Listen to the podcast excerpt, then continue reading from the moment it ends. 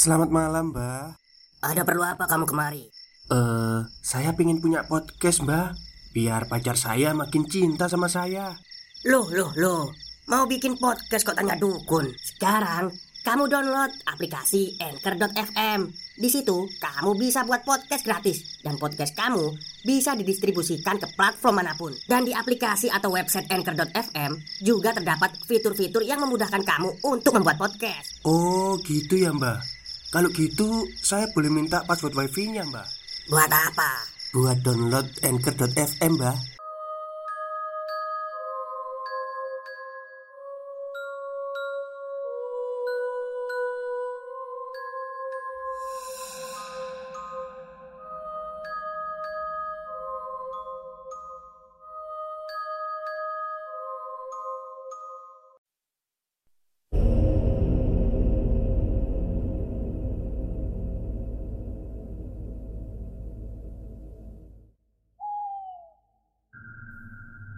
Assalamualaikum warahmatullahi wabarakatuh. Halo semuanya. Jumpa lagi dengan saya Chow Sing Sing Kurator dari podcast Horror Night Story. Halo apa kabar semuanya? Semoga kalian semua sehat-sehat ya. Dan seperti biasanya pada siang hari ini Saya kembali dan akan membawakan sebuah kisah mistis untuk kalian semua Kisah mistis kali ini saya datangkan dari treat horornya Cumi Garing Yang menceritakan uh, kisah nyata yang terjadi di tahun 80-an Oke, daripada kita berlama-lama Mari kita simak ceritanya. Cerita ini berkisah di tahun 80-an Berlatar di suatu desa di Jawa Barat semua nama dan tempat aku samarkan demi kenyamanan bersama. Aku tinggal bersama emak dan kedua kakakku. Kira-kira 300 meter dari rumahku ada rumah saudaraku. Sebut saja namanya Lastri. Bi Lastri ini adalah bibiku. Dia berusia sekitar 30 tahunan. Dia cantik tinggi dan badannya cukup berisi. Bik Lastri juga sudah menikah dan memiliki satu anak perempuan. Namun, pernikahannya tidak bertahan lama. Dia bercerai dengan suaminya. Untuk memenuhi kebutuhannya sehari-hari, Bik Lastri memiliki sebuah warung kecil-kecilan di depan rumahnya. Dia berjualan macam-macam makanan, seperti pisang goreng, mendoan, dan makanan ringan lainnya. Warungnya ini selalu ramai. Banyak anak-anak ataupun orang tua yang makan atau sekedar nongkrong. Dan dari sinilah Bi Lastri mengenal satu pria yang akan membawanya pada petaka. Pria ini hitam manis tinggi dan bisa dibilang dia adalah orang kaya di kampung itu. Namanya Pak Dendi. Dia merupakan juragan beras. Dia sudah menikah dan memiliki istri yang menurutku cukup judes, namanya Bu Marni. Dan dari pernikahannya, mereka memiliki empat orang anak. Awalnya, Pak Dendi sering datang ke warung Bik Lastri untuk membeli makanan dan nongkrong. Namun ternyata lama-lama mereka mulai menjalin hubungan. Hingga suatu hari, Pak Dendi melamar Bik Lastri untuk mengajaknya menikah. Tentulah hal ini sampai ke telinga Bu Marni. Dia sangat marah dan mencaci maki Bik Lastri. Dia tidak setuju jika suaminya menikah lagi. Tapi mau bagaimanapun, pernikahan tetap terjadi. Suka tidak suka, setuju tidak setuju. Pak Dendi tidak peduli dengan pendapat Bu Marni.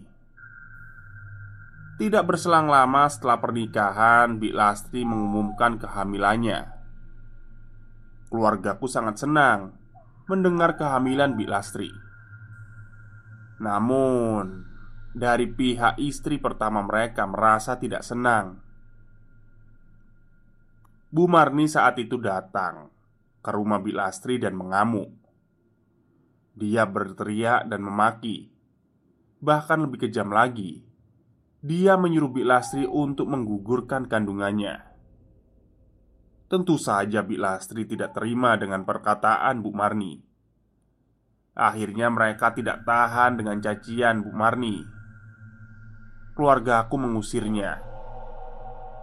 Setelah kejadian itu, setiap pagi sebelum orang-orang pergi beraktivitas, aku sering melihat Bu Marni membawa satu air gelas kecil dan dia selalu membuang air itu di depan rumah Bi Lastri. Saat itu, salahnya adalah aku yang tidak terlalu ingin tahu dan masa bodoh dengan perilaku aneh Bu Marni. Andai saja waktu itu aku menegurnya atau menanyakan apa yang dia lakukan, mungkin hal buruk tidak akan terjadi pada Bik Lastri. Karena beberapa hari setelah Bu Marni sering membuang air itu, Bik Lastri jadi sakit-sakitan. Awalnya keluargaku memanggil Pak Mantri saat itu untuk mengecek kesehatan Bik Lastri. Menurut Pak Mantri, ini hanya sakit demam biasa. Setelah minum obat, nanti juga sembuh, kata Pak Mantri. Namun, bukannya malah sembuh. Semakin hari, keadaan Bik Lastri malah memburuk. Berat badannya sangat turun drastis. Yang tadinya tubuhnya berisi, dalam beberapa hari saja menjadi sangat kurus.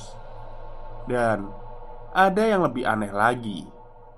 Aku tahu bahwa Bilastri ini sedang mengandung Tapi Perutnya yang semakin hari semakin membesar Menurutku tidak wajar Perutnya itu setiap hari terus membesar Merah dan seperti akan meledak Setiap hari Bilastri menangis Menahan rasa sakit di perutnya Sampai-sampai dia sudah tidak tahan lagi Dan tidak bisa untuk berjalan dia hanya bisa tertidur lemas. Bayangkan saja, tubuhnya semakin kecil dan kurus, hanya perutnya saja yang semakin membesar. Semua obat sudah dicoba, mulai dari yang herbal sampai berobat ke dokter. Aku sangat ingat Waktu itu dokter bilang kalau Bilastri itu mengidap penyakit hepatitis tapi, apakah iya itu penyakit hepatitis? Hari berganti hari, bila Lastri tidak kunjung sembuh. Akhirnya, keluarga pun mencoba untuk berobat ke orang pintar saja yang ada di desa. Dan menurut orang pintar itu, Bik Lastri katanya diguna-guna oleh seseorang. Bilastri diguna-guna oleh seseorang yang sangat menyimpan benci padanya. Dan Orang pintar itu bilang kalau orang yang mengirim guna-guna itu Tidak suka dengan kehamilannya. Keluargaku saat itu langsung percaya Kalau Bulastri memang diguna-guna Orang pintar itu mengurus Bilastri untuk beberapa hari dia memberi air yang sudah didoakan untuk diminum. Namun, Bi Lastri tak kunjung sembuh. Kondisinya malah semakin memburuk. Menurutnya, keluargaku terlambat datang. Andai saja keluargaku datang sebelum kondisi Bi Lastri belum separah ini, mungkin bisa saja guna-gunanya dikirim balik pada pengirimnya dan Bik Lastri bisa sembuh. Mengetahui kondisi Bik Lastri yang terus memburuk, Pak Dendi malah pulang ke istri pertamanya. Dia bilang, apa pun yang terjadi, dia akan mengikhlaskannya. Setelah tiga bulan dengan sakit yang tak kunjung sembuh, Bik Lastri meninggal dalam keadaan hamil tua delapan bulan ada selentingan kabar bahwa bayi yang ada di dalam kandungan harusnya dilahirkan. Namun, pada saat itu di desa tidak ada ahli atau dokter, jadi bayinya nggak bisa dilahirkan. Sore itu, jenazah Bilastri dimakamkan di pemakaman keluarga yang tidak jauh dari rumah, dan dari sinilah kejadian-kejadian yang menurutku tidak masuk akal mulai terjadi. Hari pertama setelah Bilastri meninggal, malamnya aku dan orang rumah mendengar suara wanita menangis di depan pintu. Suaranya sangat jelas sekali, tapi karena takut tidak ada satupun orang yang mau melihatnya atau membuka pintu. Ketika suara tangisan itu mulai hilang, tiba-tiba ada suara ranting daun kelapa yang diseret lalu dibanting dengan keras. Kami semua yang ada di dalam rumah sangat kaget. Ingin sekali mengintip dari jendela, tapi tidak ada yang berani. Kami hanya saling tatap sambil berdoa agar gangguan itu menghilang. Paginya, aku dan kakakku mengecek ke depan rumah. Tapi aneh sekali, di depan rumah tidak ada ranting daun kelapa, bahkan jejaknya di tanah pun tidak ada. Lalu, suara apa semalam? Padahal sangat jelas sekali Semua orang di rumah pun semuanya mendengar suara daun kelapa itu yang diseret Selepas maghrib, suara menangis mulai terdengar lagi Suara daun kelapa yang diseret pun ada lagi Dan hal itu selalu berulang hingga pada hari ketujuh Bik Lastri meninggal Tapi di malam yang ketujuh ini ada yang lebih mengerikan. Tiba-tiba saja lemariku berguncang. Saat itu aku berpikir mungkin ada gempa. Namun lama-lama lemariku berguncang sangat kencang dan pintu lemarinya terbuka sendiri. Aku yang saat itu mau sholat maghrib berjamaah bersama kakak dan emak dengan takut melihat ke dalam lemari. Kami melihat baju-baju bergerak sendiri, seperti ada yang sedang mengangkatnya. Baju-baju yang tadinya terlipat rapi, semuanya jadi berantakan. Bahkan tidak hanya itu, suara tangisan itu muncul kembali. Namun kali ini Suaranya benar-benar terdengar jelas di dalam rumah. Takut, bingung, kaget. Semuanya campur aduk. Semua orang bertanya-tanya Kenapa Bik Lastri menghantui rumah ini? Apa kita punya salah sama Bik Lastri? Atau ada hal lain yang membuat Bik Lastri tidak tenang? Hingga pada malam selanjutnya, kejadian itu terulang kembali. Tiba-tiba pintu lemari terbuka, namun kali ini baju yang ada di dalam lemari terbang seperti ada yang melempar-lempar. Sampai akhirnya kakakku mengerti kenapa Bik Lastri menghantuiku dan keluargaku karena dia mencari bajunya. Dan aku baru ingat kalau selesai setelah meninggal bapaknya Bilastri itu memberiku rok dan sweater. Yang kedua pakaian itu adalah barang yang paling disukai oleh Bilastri semasa hidupnya.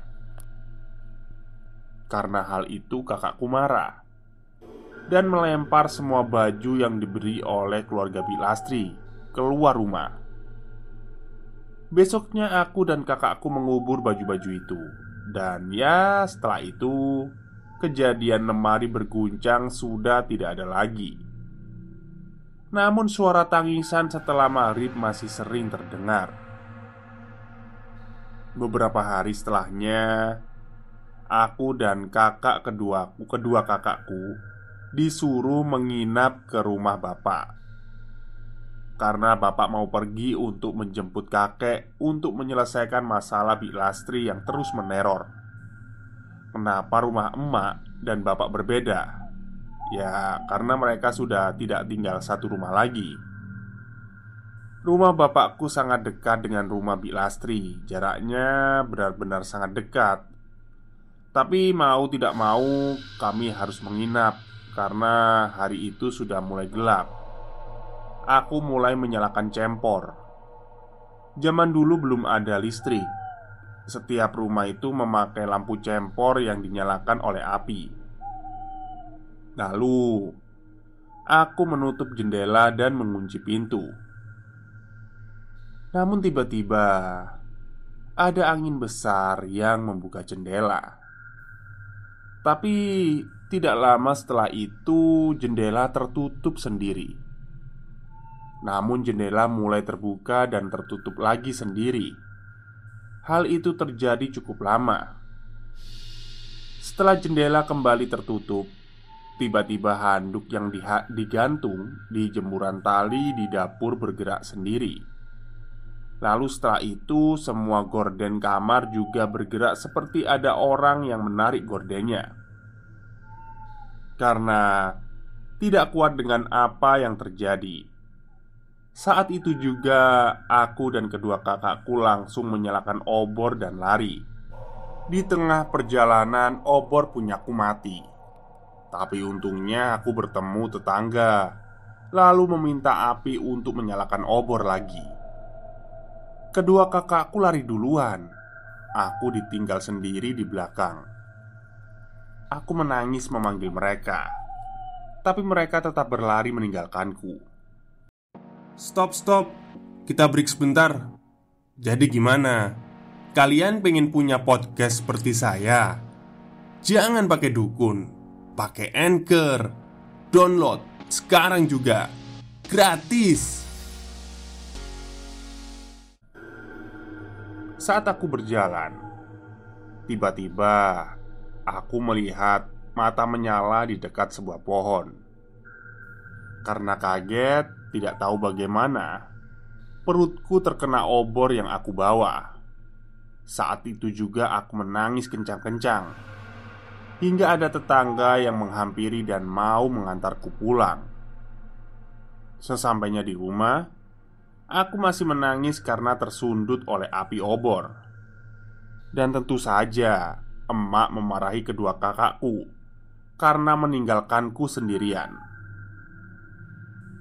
Siangnya orang-orang yang akan pergi ke sawah bergosip Ada orang dari desa sebelah yang biasa mencari kodok di malam hari Melihat Bik Lastri Namanya Pak Abdul.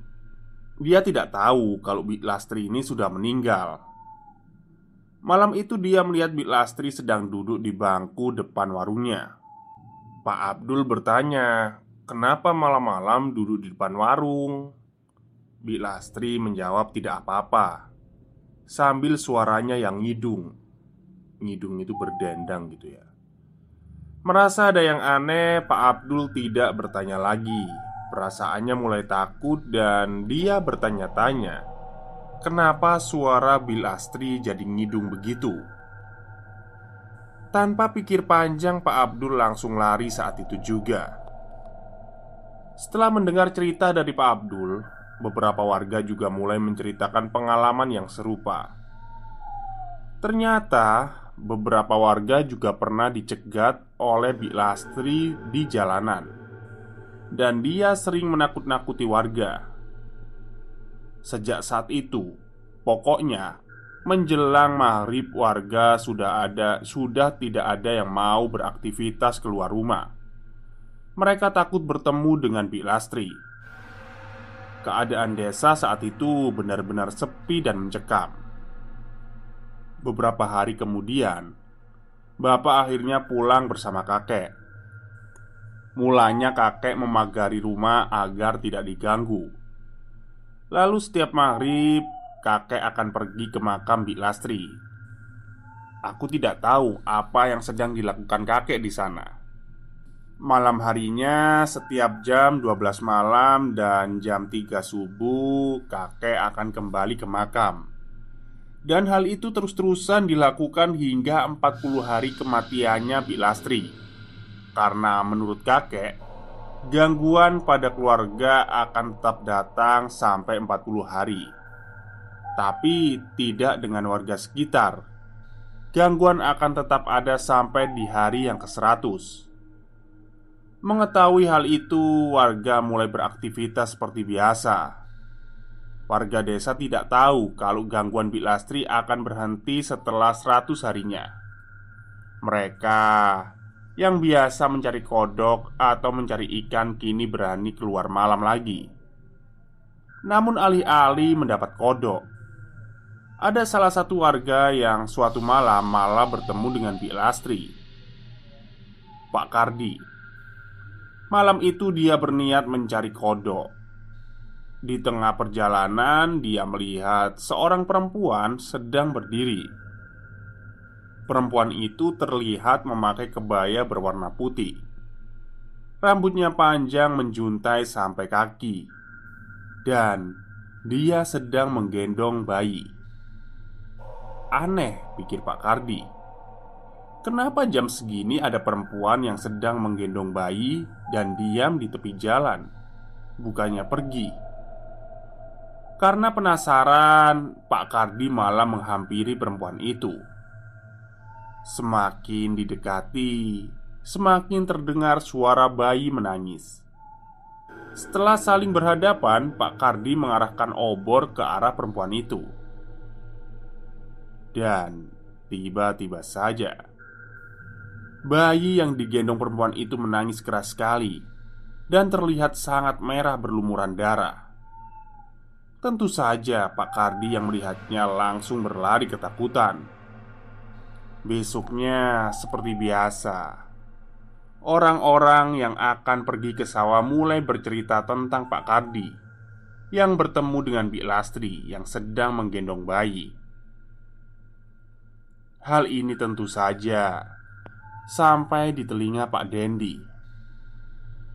Tapi sebagai suaminya, dia tidak bisa berbuat apa-apa. Dia hanya bisa mendoakan istri dan anaknya tenang di alam sana.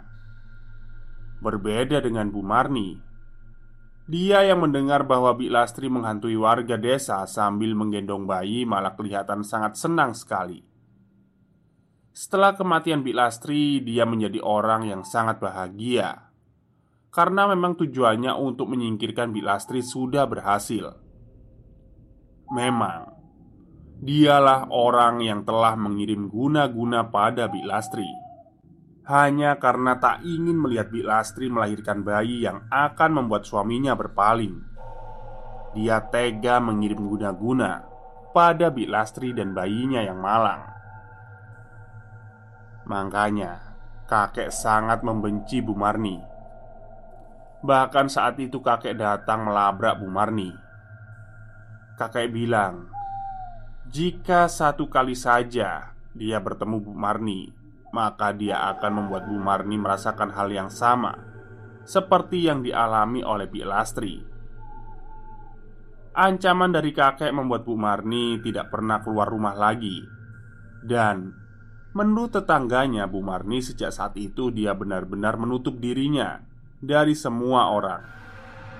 Selain takut, dia juga mungkin malu karena semua orang kini sudah tahu kalau dialah yang sudah berbuat jahat pada Lastri. Hari berikutnya Seperti biasa tepat setelah maghrib jam 12 malam dan jam 3 pagi Kakek selalu mendatangi makamnya Lastri. Ternyata memang benar Seperti apa yang dikatakan warga Bahwa Lastri itu sudah melahirkan di dalam kubur Malam itu di hadapan makam Bik Lastri. Kakek berdoa, namun tiba-tiba muncul kepulan asap dari tanah kuburannya. "Jangan ganggu anakku!" Dengan suara yang lirih, Bi Lastri menangis. "Enggak, aku enggak akan ganggu kamu sama anak kamu. Tapi satu permintaanku, jangan ganggu warga desa. Kasihan mereka ketakutan." Aku nggak terima mati dalam keadaan seperti ini Kasihan anakku Nggak bisa dilahirkan ke dunia Apa salahku dan anakku? Balas Bik Lastri Dengan suara tangisan Lalu tiba-tiba Suasana malam itu menjadi hening Dan Bik Lastri menghilang setelah kejadian itu, setiap kakek pergi ke makam, dia tidak pernah lagi bertemu dengan Bik Lastri. Tapi warga sekitar masih tetap dihantui oleh Bik Lastri yang sedang menggendong bayinya. Hingga akhirnya pada satu malam kakek memberi tanda di makam Bik Lastri dengan benang kasur. Aku tidak begitu mengerti, tapi menurut kakek benang kasur itu akan menunjukkan ke mana Bik Lasri pergi setiap malamnya. Paginya, kakek mengecek benang kasur tersebut. Dia mengikuti ke mana benang kasur itu berhenti. Ternyata benang kasurnya berhenti di sebuah warung yang menjual buah-buahan, dan tempatnya itu cukup jauh. Kenapa benangnya bisa cukup? Karena kakek menyambungkannya dengan banyak gulungan benang kasur. Jadi sejauh apa pun jarak Bik Lastri pergi, benangnya akan cukup. Siang itu, kakek mengunjungi warung itu. Kakek bertanya pada pemilik warung, apa dia sering ditakut-takuti oleh Bik Lastri? Pemilik warung itu bilang kalau dia tidak pernah ditakut-takuti oleh Bik Lastri. Tapi dia mengaku sering sekali kehilangan buah pisang. Setiap pagi ketika membuka warung Sudah pasti akan ada satu sisir pisang yang hilang. Dan itu akan terjadi setiap harinya. Lalu kakek menjelaskan bahwa pisang itu diambil oleh Bik Lastri dan kakek ingin membayar kerugian buah pisang yang sering hilang itu. Tapi si pemilik warung bilang tidak usah membayar, dia sudah mengikhlaskannya. Menurut kakek, memang ketika mengecek makam Bik Lastri, di sana selalu banyak sekali tercecer kulit pisang. Karena memang setelah Bik Lastri melahirkan di dalam kubur, dia sering mengambil pisang itu untuk memberi makan anaknya. Karena teror dari Bik Lastri tidak berhenti, akhirnya warga desa mendesak kakek agar cepat-cepat membereskan masalah ini. Di hari ke-100 Di jam 12 malam Kakek datang ke makam seperti biasa Kakek mau nyareatan ke makamnya Bik Lastri Maaf, aku nggak tahu bahasa Indonesia-nya nyareatan. Ya intinya mendoakan gitulah. Nah, sebelum ke akhir cerita Jadi aku gambarkan situasi makamnya ya. Jadi tepat di sebelah pemakaman itu ada sebuah kolam. Air kolamnya itu sangat jernih dan di samping kolam itu ada batu berwarna hitam besar sekali Malam itu kakek merasa heran karena seingatnya kalau di samping kolam seharusnya batunya tidak sebesar itu. Tapi saat itu walaupun pencahayaannya hanya dengan obor, tapi kakek bisa melihat bayangan batu hitam itu semakin membesar. Karena sangat penasaran, kakek menghampiri dan menginjaknya. Aneh sekali. Karena ketika diinjak, batu itu tidak keras seperti batu pada umumnya. Batu itu hidup dan seperti bernafas. Dan itu sangat terasa ketika kakek menginjaknya. Dengan tidak menggunakan alas kaki. Setelah diamati Ternyata kakek menginjak ular. Tapi tidak masuk akal karena tubuh ular itu sangat besar sekali. Dan warnanya benar-benar sangat hitam. Jangan ganggu. Aku ke sini cuma mau nyareatan. Lalu kakek kembali lagi ke makam Bik Lastri dan berdoa di sana. Malam itu Bik Lastri menampakkan dirinya pada kakek. Tangisannya sangat lirih. Yang ikhlas, jangan mengganggu lagi. Kamu sekarang sudah beda alam. Maaf, dulu aku nggak bisa nolong kamu pas kamu sakit. Sekarang kakek doain yang tenang di sana. Tangisan Bik Lastri mulai menghilang dan sosoknya benar-benar pergi. Teror Bik Lastri pun berakhir setelah 100 hari. Namun sampai saat ini, sampai tweet ini ditulis, Bik Lastri masih sering melihatkan dirinya dengan memakai kebaya berwarna putih sambil menggendong bayinya. Dia masih menghantui desa itu. Oh ya, sampai sekarang pun makam Bik Lastri dikeramatkan dan tidak ada yang berani datang ke sana. Sebenarnya masih banyak cerita seram di desa itu. Kalau kalian suka, lain kali aku bikinkan treat horornya. Terima kasih. Baik, terima kasih kepada uh, Cumi Garing atas treat horornya ya. Jadi Mas Cumi Garing atau Mbak Cumi Garing ini menceritakan teror yang terjadi di desanya di tahun 80-an. Ya, cukup menyeramkan ya. Tapi saya memang pernah mendengar ya ketika ada seorang perempuan yang hamil dan meninggal bersama kandungannya itu memang sering di di di daerah makamnya itu pasti ada satu atau dua lah kulit pisang. Entah itu mitos atau enggak, tapi itu memang katanya orang-orang tua zaman dulu mesti kayak gitu. Jadi kan bayinya nggak mungkin bisa dilahirin toh karena udah mati di dalam juga.